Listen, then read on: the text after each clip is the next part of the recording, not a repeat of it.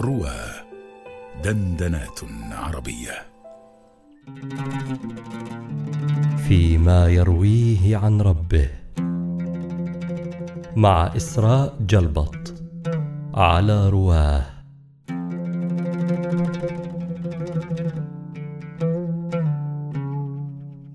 عن أبي هريرة أن رسول الله صلى الله عليه وسلم قال تفتح أبواب الجنة يوم الاثنين ويوم الخميس.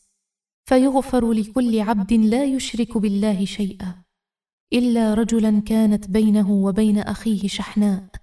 فيقال أنظروا هذين حتى يصطلحا.